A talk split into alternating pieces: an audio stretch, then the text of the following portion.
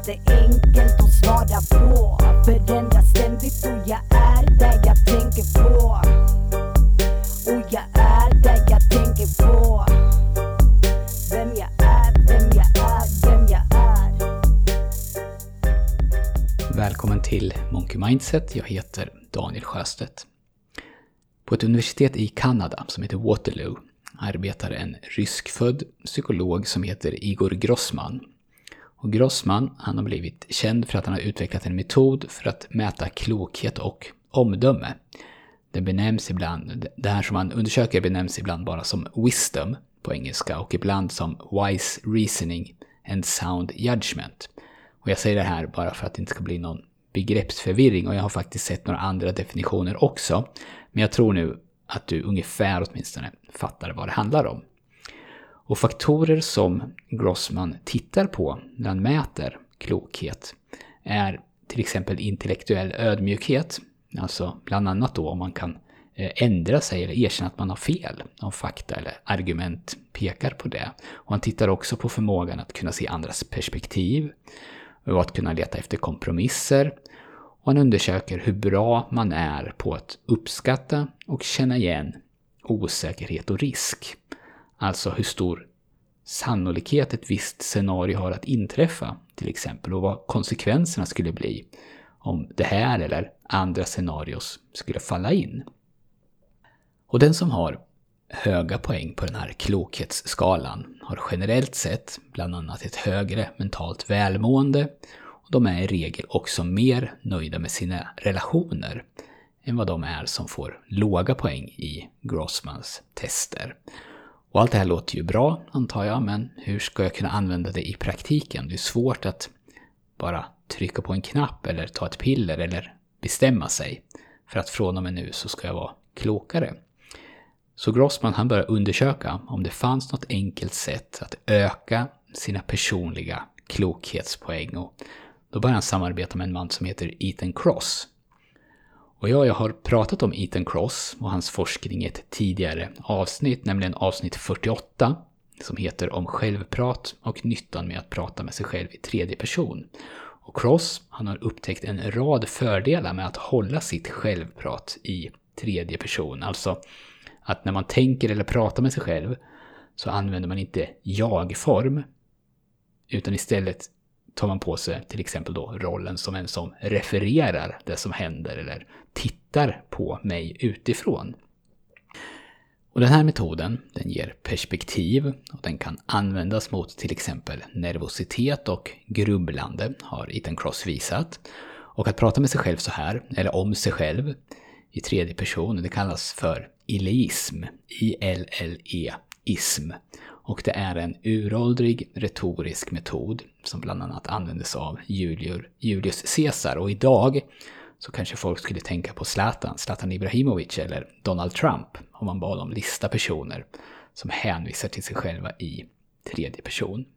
Cross och Grossman de upptäckte i sina försök att just ilism, prata med sig själv i tredje person, inte bara hade de här fördelarna för mentalt välmående, utan att det också gjorde oss klokare och smartare. Vi fattar bättre beslut, vi tänker klarare och vi har enklare att se andras perspektiv och så vidare om man pratar med sig själv i tredje person. Och sättet de gjorde den här undersökningen är någonting som du enkelt kan göra hemma. De hade en grupp på cirka 300 personer och så bad man dem att skriva dagbok i fyra veckor. Den här gruppen delades in i två, två olika grupper och hälften av dem fick skriva så som jag tror att de flesta av oss gör. Alltså jag, jag, jag. Och den andra hälften ombads då att skriva i tredje person. Alltså istället för att idag åt jag sushi till lunch så skriver jag idag åt Daniel sushi till lunch. Gruppen, grupperna ombads också att varje dag beskriva en specifik situation som hade hänt, hänt dem. Kanske att de till exempel hade varit oense med en kollega eller någonting liknande. Och hälften beskrev den då, då från sitt eget perspektiv och hälften försökte att beskriva den utifrån, alltså i tredje person. Och när det här experimentet var över så hade de här ilisterna, eller tredjepersonspratarna, ökat sina poäng signifikant på klokhetsskalan. Och kontrollgruppen låg kvar där de var när experimentet började. Och för mig så fick jag två reflektioner när jag läste och skrev om det här. För det första, många, och jag har också säkert pratat om det här, eh, försöker prata om hur bra det är att reflektera över saker och ting. Att man skriver ner tankar och känslor och att det hjälper till att skapa klarhet och kanske också perspektiv. Men det verkar ju som att det här bara är halva sanningen och att resultatet kan bli mycket bättre om man skriver ner det på det här speciella sättet. Beroende förstås då på vad man har för syfte med sin dagbok, om det nu är en sån man skriver.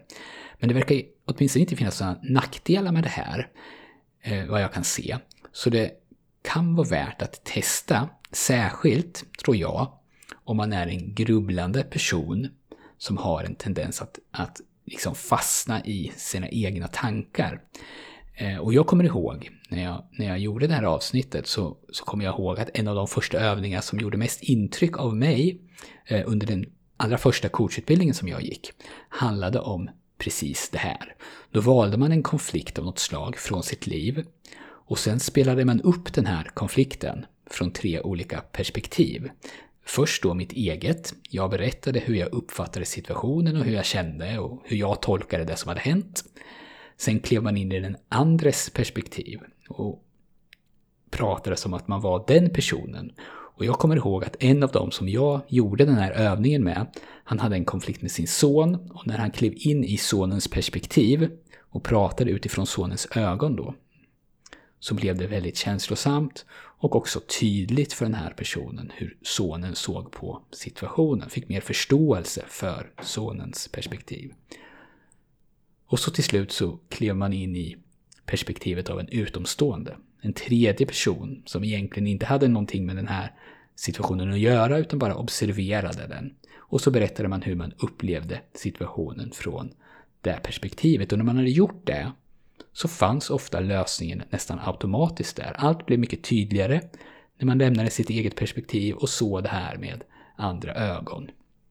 För det andra, och det här handlar om självprat, så är det möjligt att ändra sitt självprat om man bestämmer sig för det. Och jag säger det här för att jag själv har gjort det ganska nyligen. Jag tror att många av oss, vi utgår ifrån att, att det här självpratet jag har, det är det det är och det finns ingenting jag kan göra åt det. Men i våras så skapade jag en kurs om självkänsla till mitt mentala gym, som är en produkt som jag har. Och då, innan jag gjorde den här eh, kursen, så testade jag metoden, eller vad man ska kalla det, eh, som kursen följer. Och den här metoden är otroligt simpel. I stort sett så handlar det om att börja upprepa en affirmation eller ett mantra så mycket som man kan. I det här fallet så var då frasen “Jag älskar mig själv”. Man upprepar den hela tiden när man inte använder sitt sinne till något annat. Alltså man jobbar eller man pratar med någon eller så. Eh, och då upprepar jag alltså “Jag älskar mig själv” och jag gjorde det här under många veckor. Och jag försökte till och med att byta ut ljudböcker och poddar och musik och istället bara upprepa “Jag älskar mig själv”. När jag gick och la mig för att sova och tankarna började snurra så tog jag kontrollen över mitt självprat genom att upprepa “Jag älskar mig själv”, “Jag älskar mig själv”, “Jag älskar mig själv”, “Jag älskar mig själv” och så vidare. Och det här var för det första ganska svårt och jobbigt, speciellt de första veckorna. Eh, väldigt, väldigt ovant. Eh, och för det andra så kändes det lite löjligt. Eh, jag har ju generellt sett varit Eh, en aning åtminstone skeptisk till det här med affirmationer. Det har varit någonting som jag, som jag har velat tro på, men kanske inte innerst inne gjort det. Och att upprepa eh, “jag älskar mig själv, jag älskar mig själv” framför spegeln, vilket jag gjorde och till viss del fortfarande gör, det är ju lite nidbilden av vad en coach eller en inspiratör eh, lär ut. Eh, och det är väldigt lätt att, att driva med det, eller medvetet misstolka det. Men jag gick då all in på det här och gav det verkligen chansen för att se om det funkar eller om det inte funkar. Och om det inte hade funkat så hade jag fått tänka om och göra den här kursen på något annat sätt, ett mer traditionellt upplägg. Men det var då supertydligt för mig att det här gjorde skillnad. Och ändå så har jag inte sett mig själv, och jag gör inte det nu heller, som någon som har haft en särskilt dålig självkänsla. Men dels så hände det någonting bara av att upprepa de här orden och dels så, så påverkar det mitt övriga självprat en hel del. Den som tycker om sig själv pratar ju sannolikt, sannolikt med sig själv på ett annat sätt än den som inte tycker om sig själv. Mer stöttande, förlåtande, accepterande, mer motiverande kanske. Eh, och kanske borde jag istället då sagt Daniel Sjöstedt älskar sig själv, slog det mig när jag skrev det här avsnittet. Men faktum är att jag nu ser på det här nästan som ett sätt att programmera sig själv. Så jag har kvar Jag älskar mig själv, men jag har lagt till ett gäng andra meningar som jag vill ska bli eh, en del av mig, eller mer en del av mig, som jag nu vill ska bli sanningar för mig. Och jag är inte riktigt lika duktig nu som jag var under tiden då jag testade det här i våras, det ska jag erkänna då. Men jag upprepar de här meningarna tyst för mig själv flera hundra, om inte ibland flera tusen gånger varje dag. Eh, och det gör verkligen skillnad. Det är någonting som är svårt att förklara utan det måste snarare upplevas. Eh, det var det som jag hade idag. Jag hoppas att det här har gett dig några nya tankar och vill du testa det här i praktiken så är ju det här med att börja skriva dagbok i tredje person en väldigt bra idé, tycker jag. Eh, och om du vill komma igång med mental träning, alltså träna ditt sinne till att bli starkare, vilket jag är helt säker på också har en positiv effekt på, sitt, på ens självprat, så kan du få det du behöver för det av mig. Och det kostar ingenting. Om du börjar att prenumerera på mitt nyhetsbrev, då får du ljudfiler som du kan träna med, ett träningsprogram och instruktioner och lite annat material. Och det här är inga konstigheter utan det är väldigt enkelt att göra det här och jättemånga har redan fått de här ljudfilerna och väldigt, väldigt många, flera tusen om jag ska gissa, har hört av sig till mig och berättat hur det har hjälpt dem. Eh, gå in på monkeymindset.se och där finns det en knapp att trycka på för att prenumerera på nyhetsbrevet och få allt det här. Tack så mycket för att du har lyssnat. Ta hand om dig och jag hoppas att vi hörs snart igen. Vem jag är det är inte enkelt att svara på Förändras ständigt och jag är där jag tänker på.